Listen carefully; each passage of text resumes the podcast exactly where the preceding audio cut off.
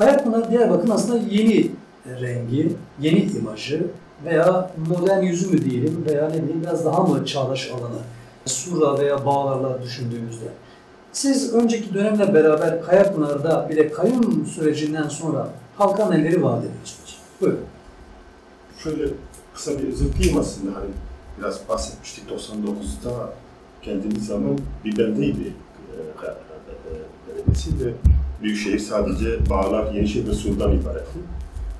Hem 90'lı yıllardaki zorunlu göç ve beraber kentin aslında bir köy görünümüne dönüşmesi yani zorunlu e, köylerin yakılmasıyla beraber çevre il ve e, kendi ilçelerinde çok ciddi bir göç aldı. Nüfusu çok ciddi yani 3 katı 5 katına çıktı ve bu da hem e, stoğu hem de kentsel ve hem altyapı hem üst yapı açısından kent kullanılamaz hale gelmişti. Yani çok da altyapısı olan e, Sur ve Yenişehir bölgelerinde çok ciddi etkisi oldu ve Surların Sur içinin biraz tarih olmasının da bu e, bağların şu andaki eski bağlar dediğimiz bağların oluşumunda çok ciddi e, son e, 4-5 yıl içerisinde mühendislik hizmeti almamış, planı olmayan rastgele yaklaşmalar mevcuttu. Hayatlar da buna doğru gidiyorken bir master planında kentin bütün master planı yapıldı ve planlı kentleşmeli. 99 depremi sonrası da aslında mesela en azından e, Türkiye dersler çıkarmadı ama e, HDP'li belediyeler o anlamda sivil toplum örgütlerinin çok ciddi desteğiyle e, planlı bir kentleşmenin önünü açtı ve master plan e, başlatıldı. E, ve orada da bir e, kayaklığa doğdu. Şu anda genç bulvarları olan, e, genç parkları olan, yaya, araç, bisiklet, okul yollarının birbirinden ayırabilecek kadar e, gelişmiş bir ve ticari aksları olan, ticari alt merkezleri olan, şey, şey işte okul, bu, bu tür kamu hizmetleri verebilecek mekanları elde e, eden bir, bir, bir kente dönüştü. O açıdan e, şunu diyebiliriz. Ama hani şu, şu belki bir şey olarak, bir eleştiri olarak da söyleyebilirim. Belki başarmadığınız şeylerde. Belki de zaman yoktu de, de, demek de doğru olabilir. Çünkü 15 yıl hem çok büyük bir zaman, zaman dilimi ama belediyecilik açısından da çok çok yeni bir, çok kısa bir, bir süreç.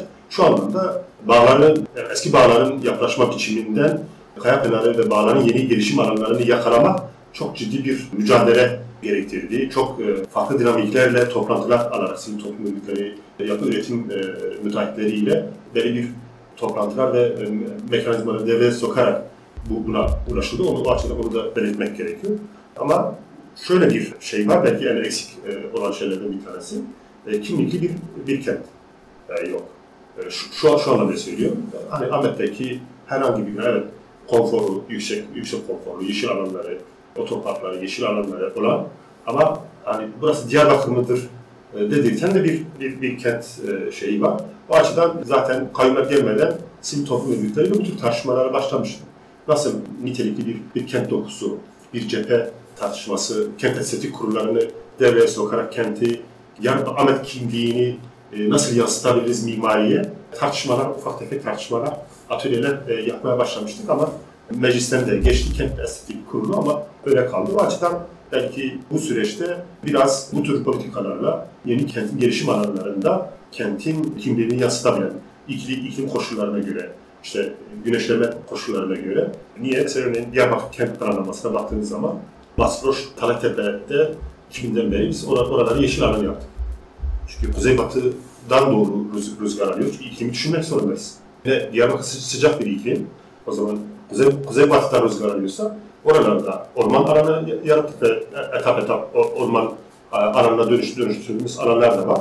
E, o zaman biz ana aksları da çok geniş bulvarları da ormanlara doğru dikine yaptığımız zaman oradan esen e, esintinin o kendi içerisine ne kadar bir sürede mesela yaşamış olacak veya ormanla karışmış olacak? Dün itibariyle oraları gezmiştim de bu sabah o bölgedeydim Yani son Alatepe bölgesinde. Yani e, bir boylu ağaçlar e, dikmeye çalışıyoruz, çalışıyorduk ama kayyumların gelmesiyle o şeyler e, durdurulmuş, e, öyle gözüküyor. Ben de geçen gün baktım. Durdurulmuş ama biz geldiğimiz zaman tekrardan belediye, e, büyükşehir belediyesiyle beraber oraları nasıl tekrardan halkla beraber kente kazandırılmasını çalışmasını sivil toplum örgütleriyle çok ciddi katkıları oldu. Kent Konseyi'nin, TUMOV'un, BARO'nun, orası kent ormanına dönüşmesi için herkesin bir, bir katkısı Ticaret Odası'nın siyahları, yani kentin siyahları da çok ciddi destekleri ve şeyleri oldu. O açıdan doğru bir planlamayla, doğru bir iklimi düşünerek, gelişimini düşünerek bir planlama yapıldı ve Kayapınar e, elde edildi. Bu açıdan altyapısı bitmiş. Şu anda iç, içme, içme suyu sorunu olmayan, e, kanalizasyon suyu e, sorunu olmayan, yağmur su, suyu şebekesi olmayan bir kentten bahsediyoruz. E, hem Kayapınar hem Bağlat kenti tamamıyla. Bu açıdan o 15 süre zarfında hep alta çalışıldı aslında. Son dönemde de e, güzel bu sefer sosyal e, ve teknik ekonomik çalışmalarla beraber Kayapınar daha görünür, daha yaşanabilir bir, şu anda e, Kayapınar'da şöyle bir eksiklik görüyoruz belki e, sonraki şeylerde e, buna da daha ayrıntılı cevap veririz. Ama hala insanlar Yenişehir'de işte Dahkapı'da diğer işlerini yürütmek için kente e, gitmek zorunda kalıyor. O Ticari alan olmadığı için. Ticari, alan olmadığı için o, o, tür şeyleri yapıyoruz. Peki Kayapınar mesela güzel bir, yani yeni bir yüz Diyarbakır için. Kayapınar'da bakıldığı zaman gerçekten modern yapısı gözüküyor. İşte yollar ayrı, park, parklar ayrı, e, güzergahlar gayet güzel. Peki Kayapınar'da e, ekonomik olarak projeleriniz neler? Mesela her ne kadar organize sanayi olsa da, her ne kadar işte başka e, yapılar olsa da Kayapınar bölgesi için, özellikle kendi belediyeniz için mesela neyi vaat ediyorsunuz? Ben ilk soruyla bağlantılı olarak Buyurun. cevap vermek istiyorum. Kesin Selçuk Başkan söylemiştir ama ben de tekrarlamak istiyorum. Bizim ilk halka vaadimiz halkla birlikte öncelikle kayyumları göndereceğiz. Sonra o belediyeleri aslında halkla birlikte yöneteceğiz. Proje gerçekleştirmek istediğimiz ya da hizmet vermek istediğimiz kesim, alan, mahalle, bölge, bölge halkıyla birlikte kendi ihtiyaçlarını birlikte tespit edip yani biz bir proje yapıp dayatmacı bir model de benimsemeyeceğiz. Birlikte ihtiyaçlarını tespit edip birlikte o ihtiyaçları karşılayacak olan çalışmalar, projeler e, yürüteceğiz. İlk oturumda Necdet Başkan da söyledi. Şimdi Kayapınar Belediyesi'nin 13 tane eğitim destek evi vardı. Bu 13 tane eğitim destek evi düşük gelirli ailelerin çocuklarına eğitim anlamında katkı sunan destek evleriydi. Ve üniversiteye hazırlıyor bir şekilde onları veya işte başka sınavlara hazırlayan bir yöntem uyguluyordu. Bu 13 tane eğitim destek evimiz kayyumun sayesinde kaymakamlığa bağlantı ve şu an pasif bir halde farklı şekillerde kullanılan bir yapıya dönüştürüldü. Yine spor kompleksi, gerçekten devasa bir spor kompleksine sahipti Kayapınar Belediyesi. Bunu da aldı, kaymakamlığa kiraya verdi 3 yıllığına. Burada Kayapınar'ın gençleri, Ahmet'in gen- gençleri bir şekilde gidip spor alanındaki yeteneklerini ortaya koyabiliyorlardı, geliştirebiliyorlardı. Spor faaliyetlerini orada yürütebiliyorlardı. Yine Zarukistanlar vardı. Halkın kendi halkın çocuklarının kendi ana dilleriyle eğitim görmelerini sağlayan sağ- bir kreş modeliydi. Yine kadın merkezleri vardı ve kadın merkezleri de gerçekten şiddetle mücadele olsun, kadınların sosyal yaşam alanına aktif katılımıyla ilgili olsun, siyasal alana katılımıyla ilgili olsun çok ciddi projeler üreten merkezlerdi. Bu merkezler pasif, bir- pasif bir hale getirildi. Hatta müdürlükler vardı belediyeler, belediyelerin bünyesinde HDP'li, HDP'li belediye başkanlarının olduğu dönemde oluşturulan müdürlükler vardı. Bu müdürlüklere de erkek yani kayyum gelir gelmez e, erkekleri müdür olarak e, Atamış. atadı. Şimdi mesela 75'te yine devasa bir kütüphane e, yapılıyor. Bu da yine daha halka hizmet alanı açılmadan daha inşaat halindeyken aynı şekilde yine devlet kurumuna devredildi. Cigerap'ın Kültür Merkezi'nde mesela bu halkın gerçekten kendisini kendi kültürüyle, diliyle, değerleriyle sürdürebildiği bir yaşam hmm, modelini hani inşa eden bir alandı. Şimdi bütün bunları pasif bir hale getirdik. Yani kaymakamlığa veya işte e, fark kaymakamlığın belli alanlarına bağlı olan belli bilimlerine bağlayarak halk, halkın hizmetinden bir şekilde aslında çekti. Öncelikli olarak biz bu hedefli belediyelerin kazanımı olan bu taşınmazları geri almanın hukuki mücadelesini sürdüreceğiz. Bu geri alabilme şansınız var mı hukuk açısından? Biz geri alacağımıza inanıyoruz, geri alacağımıza, e, al- alabileceğimizi düşünüyoruz. 31 Mart'tan sonra biz bunu ne şekilde alacağımızı da halkımızla birlikte paylaşacağız. Bunların hukuk, hukuki mücadelesini sürdüreceğiz. Yine mesela kadın istihdam alanları, depeli belediyeler sürecinde mesela kadın istihdam alanları mümkün mertebe genişletilmeye çalışıyordu ve böyle bir yol yöntem izle, izleniyordu. Ama yine kayyumların gelmesiyle birlikte alanlar daraltıldı. Kadınlar yine eve hapsedilmeye çalışıldı. Biz aslında kadının her alanda, her işte, her güçte olabileceğini düşünerek kadının istihdam boyutunu da hani belediyenin e, hizmet verdiği alanlar içerisinde kadının bütün alanlarda çalışabileceğini gösterecek projeler yapmayı hedefliyoruz. Kayapınar'da en son bir parkın e, TÜRGEV'e bağışlandığı ve TÜRGEV'e devredildiği söyleniyor. Ekin Ceren, Ekin Ceren Ekin Ceren Parkı. Bu da bir e, kadın merkezinin e, kurulu olduğu bir parktı ve kadın alanında hizmet, kadınlara hizmet veren bir e, merkezdi. Memorial Hastanesi'nin. Evet hemen or- oradaki park TÜRGEV'e verilmiş. Açıkçası hani hangi hizmette, hangi amaçla kullanıldığı bile şu an halk tarafından da bilinmiyor. Halk tarafından çünkü bir hizmet alınmıyor zaten oradan. Halk tarafından aslında hangi amaçla, hangi hizmette kullanıldığı da bilinmeyen bir hale, bilinmeyen bir mekana dönüştürülmüş durumda. Biz bunların hukuksal mücadelesini öncelikli olarak sürdüreceğiz ve bunları da geri alıp halkımıza tekrar devretmeye de e, kararlıyız açıkçası. Peki teknolojik açıdan Kayapınar'dan ne vaatleriniz var? Yani mesela bir önceki bağımsız belediye başkan adayı konuk olduğunda interneti bedava yapacağını, elektriği ve suyu bedava yapacağını iddia etmişti. Sizin Kayapınar'lara mesela teknolojik olarak nasıl bir vaadiniz var? Ya şöyle, e, 13 yıllık deneyim dedim yani bir, çok ciddi bir deneyim elde edilmiş. Onun üzerine hani hem e, olumsuz anlamda çıkardığımız dersler hem de e, mutlak geliştirmesi gereken yönler diye e, e, ayırdığımız zaman örneğin mesela Büyükşehir Belediyesi'nde de başlatmıştık. Bütün e, LHP'li belediyelerinde e, yenilenebilir enerji stratejiklerimiz vardı. E, o nedir? Yani TEDAŞ'a, büyük barajlara, Rus, Rus suyu da Hasankeyf'i sular altında bırakacak büyük barajlara gerek kalmaksızın kendi enerjisini üretebilecek mekanizmalar üretmek. E, Onun için Güneş köyü gibi. güneş, güneş köyü, güneş panelleri, her yapımızı yaptığımız işte bu e, şu anda e, bahsettiğim şeyde e, yeni tasarım mimari projelerde de hani ellerde de konutlarda da kendi enerjisini üretebilen konut üretebilir miyiz? Sizin tartışması yürütülüyordu. Onun için de bazı e, projeler Büyükşehir'de gerçekleştirildi. Otolardaki ya- panel modelleri evet. başka Sümer, olacak. Sümer, Sümer Park'ta, Sümer Park'ta güneş evi projemiz de var hem de çatılarda kendi enerjisini karşılayabilen bir mekanizma üretmiştik ve bu 5 yıllık bir stratejiyle Kayapınar Belediyesi'nin örneğin hani Büyükşehir Belediyesi ya da herhangi A, A belediyemizin DEDAŞ'a ihtiyaç duymadan kendi enerjisini üretebilecek mekanizmaları bu parklardaki enerjiden tutun sokak aydınlatmasına kadar ki enerjinin hepsini kendisi karşılayabilecek bir hem e, devlet buna yatırım yapmasına gerek kal- kalmayacak hem de bağımlı olmayacak. Çünkü e, Kayapınar'da en işte hani modern dediğimiz yerde bile e, e, bakıyorsun belirli saatlerde e, ma- maalesef buralarda elektrik hana gidiyor. Hana gidiyor. O açıdan kendi enerjisini üretebilen bir bir sistemle ilk önce biz kendimiz yapacağız. Sonra vatandaşlardan kendi yaptığı projelerin bu, bu- buna örnek olarak yapılmasını talep edeceğiz. Binalarda doğalgaz yapılanması Kayapınar'da başlamıştı Diyarbakır'daki yıllarda. Sizin bu güneş enerjisi panellerinden faydalanmakla ilgili de mesela binaların çatılarında desteklemeleriniz falan olacak mı? Yoksa veya teşvikleriniz olacak mı? devletin buna ilgili teşvik, e, e, teşvikleri, teşvikleri var ama yerel yönetimlerle ilgili yasa, yasa mevzuatta yer yok. Bunun çalışmasını başlatmıştık.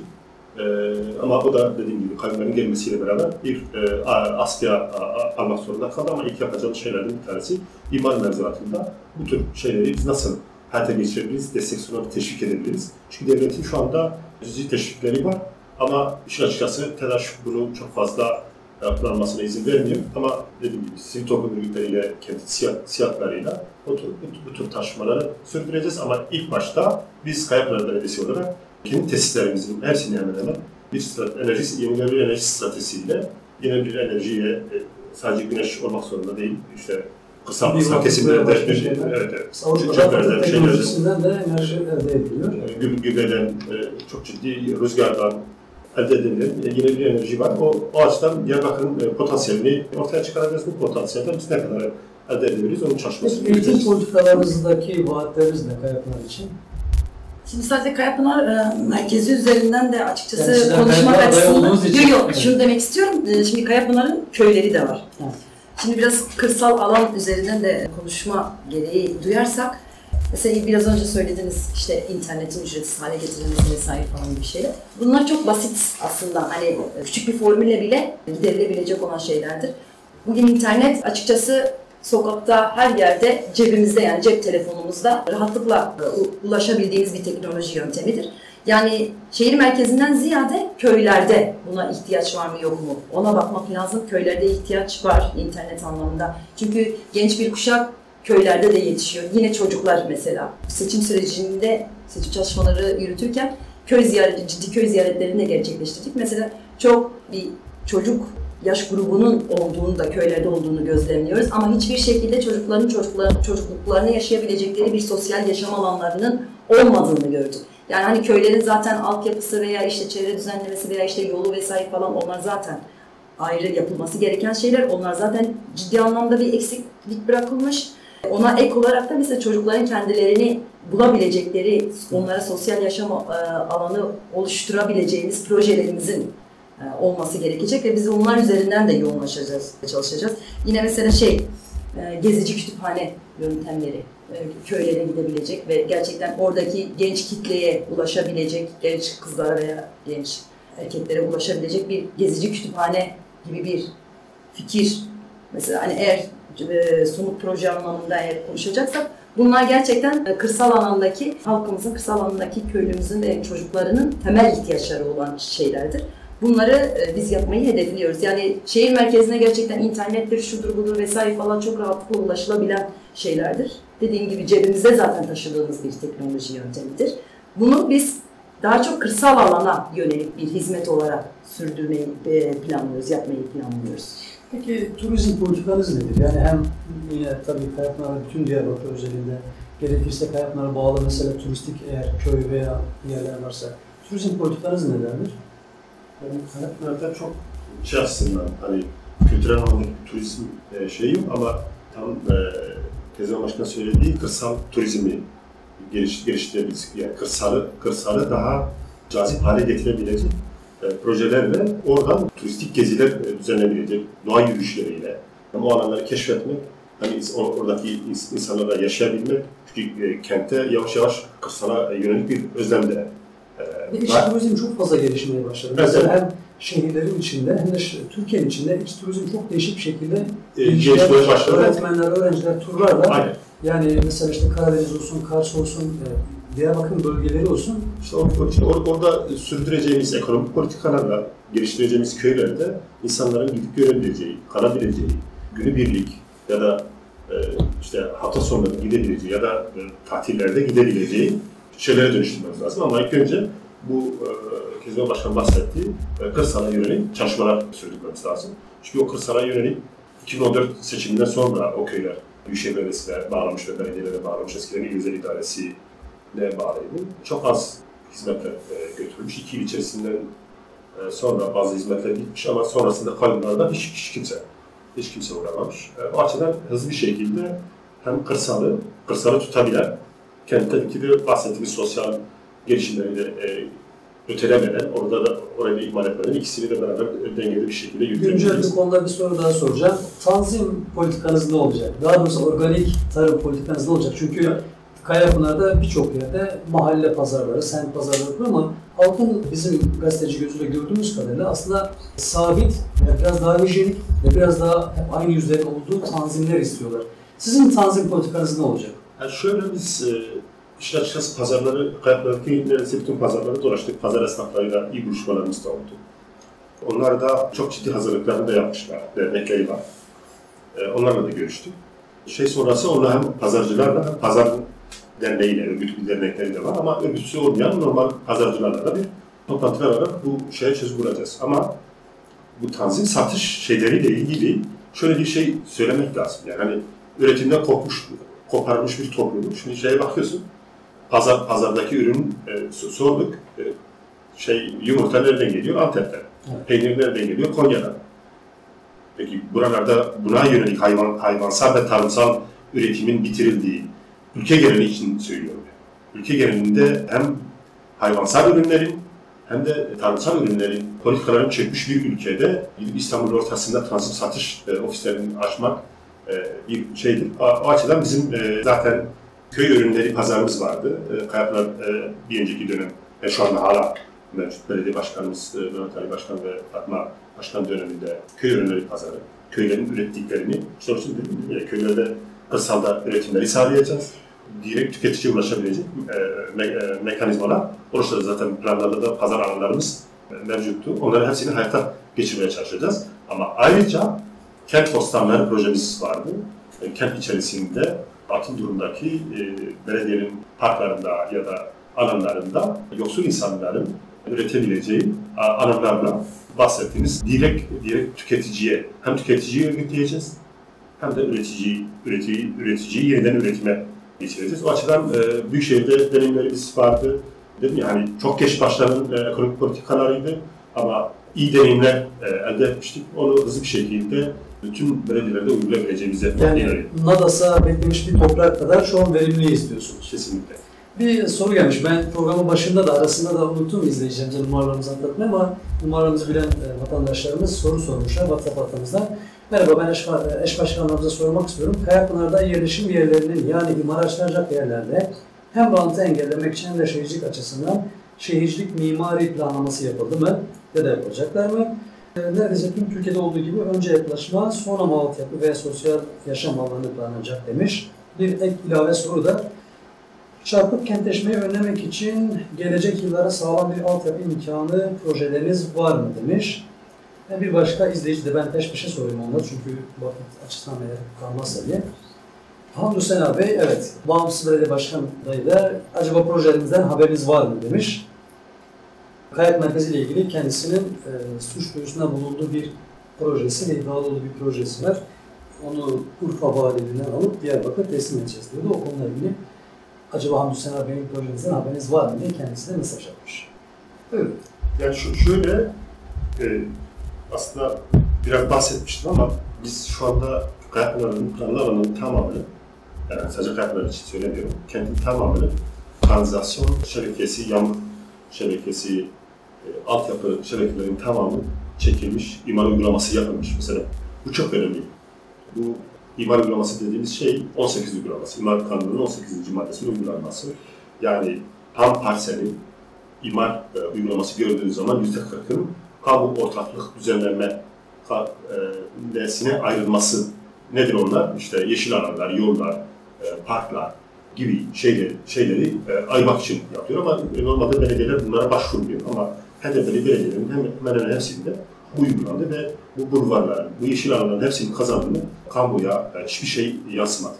Belediyenin bütçesinden bir kuruş çıkmadan geniş geniş bulvarlar, e, mesela Mahapat Bulvarı 75 metre olarak bilinen yolun, çevre yolu da karayollarıyla e, beraber o zaman e, ortak proje düzenledik. Oraya, oranın imar e, kısmındaki alanları hepsini karayollarına ücretsiz bir şekilde elde ettik ve öyle bir açıldı. Çünkü niye mesela Mar, e, Urfa yolu Mardin bağlantısı kaç yıldır sürdürülüyor?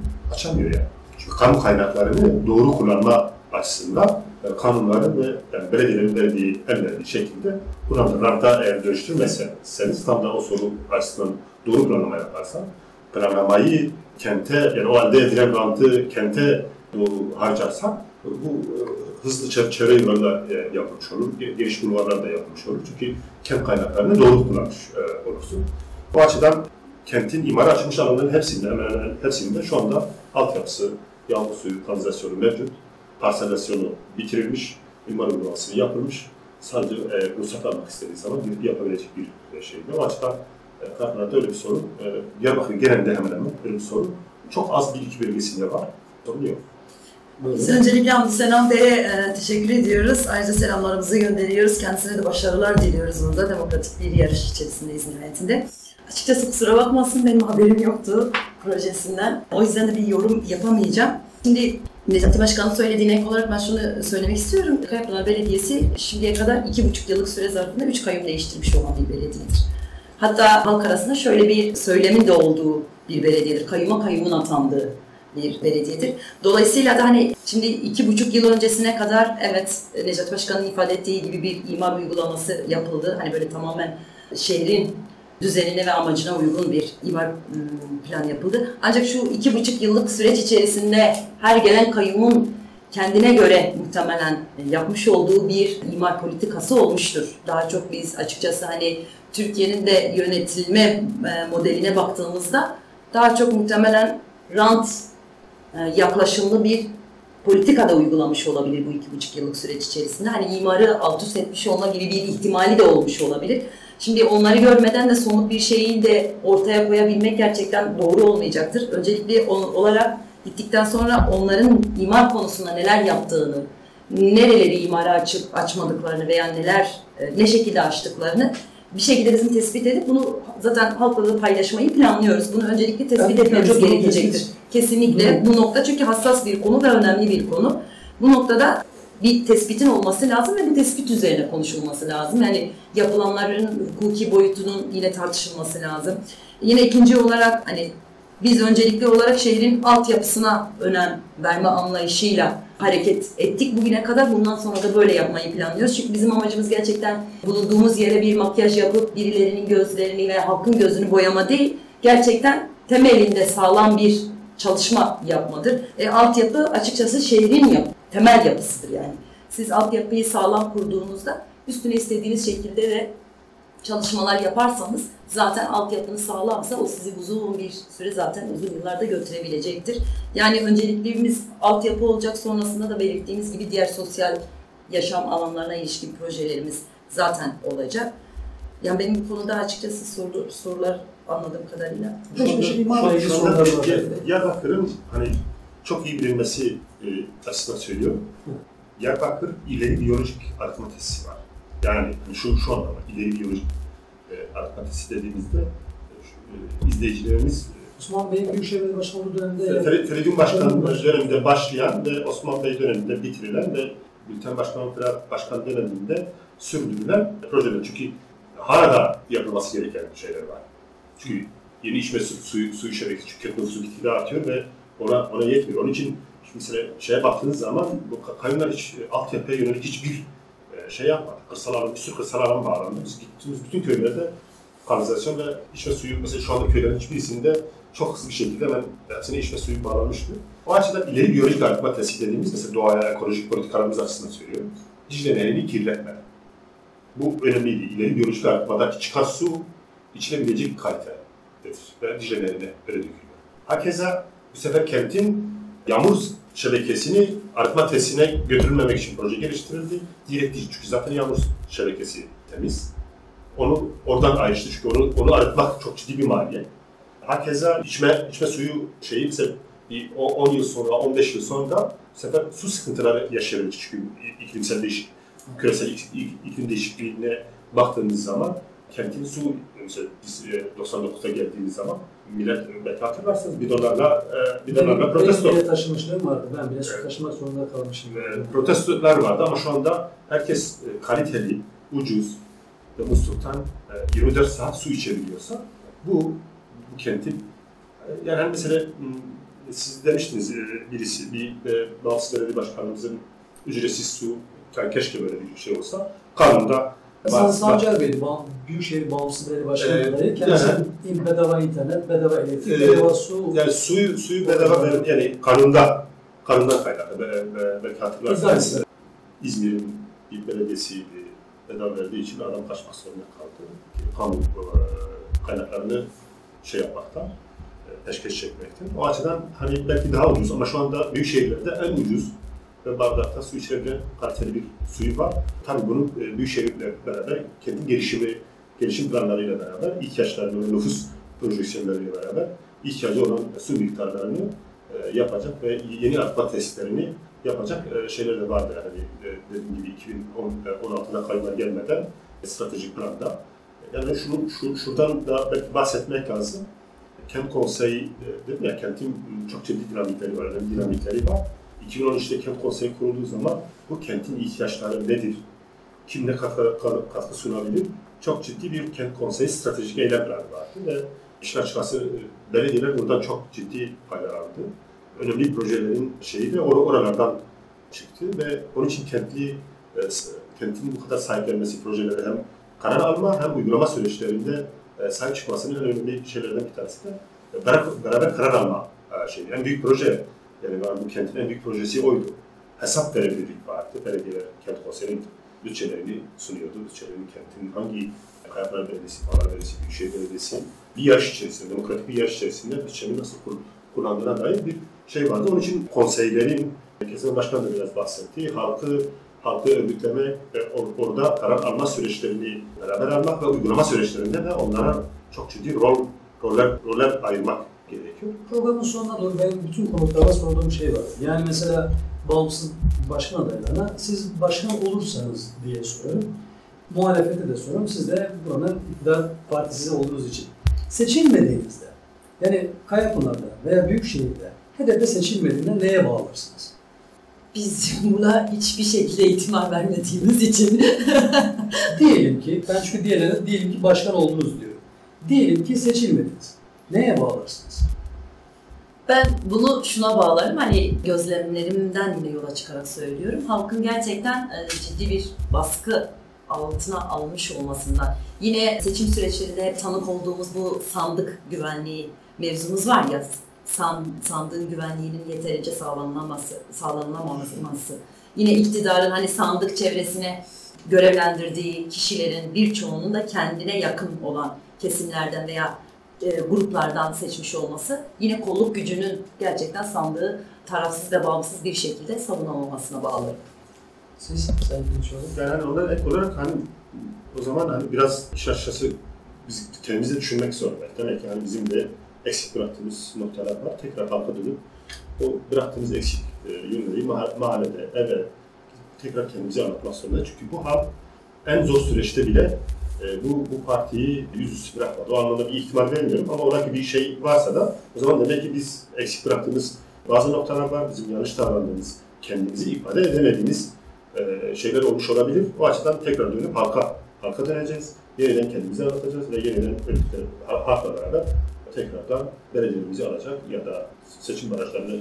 Yani bu halk e, en zor süreçte bile, mesela o kayyumlar, e, kayyumların atandığı, o siyasi soykırımların o- olduğu süreçte bile, evet hayır referandumunda siyasi partilerin bir sürü yöneticisi, milletvekili, genel başkanı, genel eş başkanları içerideyken bile kendisi kampanyayı yürüttü ve bölgede e, gerekli cevapları verdi. O açıdan bir halk, halka da bir kaygımız yok ama ola ki belki biz halka biz, biz kendimizi ifade etmeliysek e, öz eleştirimizi Son bir soru daha sorayım o zaman. Seçildiniz. Size göre Kayapınar'da ve Büyükşehir'de kapsarsak Diyarbakır'ın tamamını hangi oy oranını bekliyorsunuz? Yani sizin oy yönünüz kaç olur? Ben başında söylemiştim %80 diyeceğim. 2014'ten farklı olacağını bekliyoruz. Çünkü o coşkuyu, o tepkiyi görüyoruz. Yani tepki var. Çok ciddi kalp politikalarına yönelik bir tepki var. O da şundan kaynak söylüyor. Yani hani gitmeyen, yerel seçimlerde gitmeyen seçmenlerimizin de gideceğini e, gördük. O açıdan 24 Haziran'ı aşan bir oranı olacak. 70, 70 bandının üzerine çıkacak. Tam bu sene ben selamlara izleyici olarak sormuştum diyor e, noter tasdikli projelerimi. Teşekkür ediyoruz kendisine de. Ben e, programın sonuna gelmiş bulunuyoruz. Varsa son sözlerinizi almak isterim. Halka ne söylemek istersiniz? Bizi izleyenlere, dinleyenlere. Biz öncelikle bizi dinledikleri için ve zaman ayırdıkları için kendilerine çok teşekkür ediyoruz. Bu seçim sürecinde de halk halkı yanımızda gördüğümüz için yine aynı coşkuyla kendileri e, bizimle birlikte hareket ettikleri için kendilerine çok teşekkür ediyoruz. Hani benim söyleyeceğim şey son olarak şudur. Biz kendi mekanlarına, kendi evlerine, kendi belediyelerine sahip çıkmalarını istiyoruz. Bizim değil onların çünkü. Gerçekten de son dönem yani seçim startının verilmesiyle beraber çok ciddi bir e, sıcak bir karşılamayla karşıladıkları için öncelikle teşekkür ediyorum. Teşekkür de siz, hani size bizi konuk ettiğiniz için halka, çünkü bütün iletişim kanallarının kapandığı bir yerde en azından bizim halka ulaşabileceğimiz bir bir e, program yaptınız. Onunla da e, teşekkür ediyoruz ve bizi radyoların başında, telefonların başında e, dinleyen izleyicilere de teşekkür ediyoruz. Soru soranlar dinleyicilere de katkı sundukları için teşekkür ediyoruz.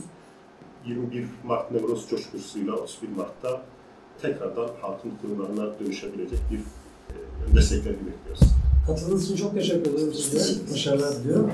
Ve dinleyicilerimiz ve izleyicilerimiz Soruyorum programı bugünlük bu kadar. Yarın yine farklı bir görüş alacağız. Bu sefer gazete, e, gazetecileri alacağız. Ercan Akar ve Bekir Güneş'i alacağız. Biraz da gazeteciler gözüyle seçimin atmosferini konuşacağız. E, Siyasi partileri ve adayları almaya devam ediyoruz. Seçimin sonrasına kadar soruyorum devam edecek. Ahmet Radyo'da ve tabii ki sosyal hesaplarımızdan görüşmek umuduyla sevgiyle kalın. Hoşçakalın.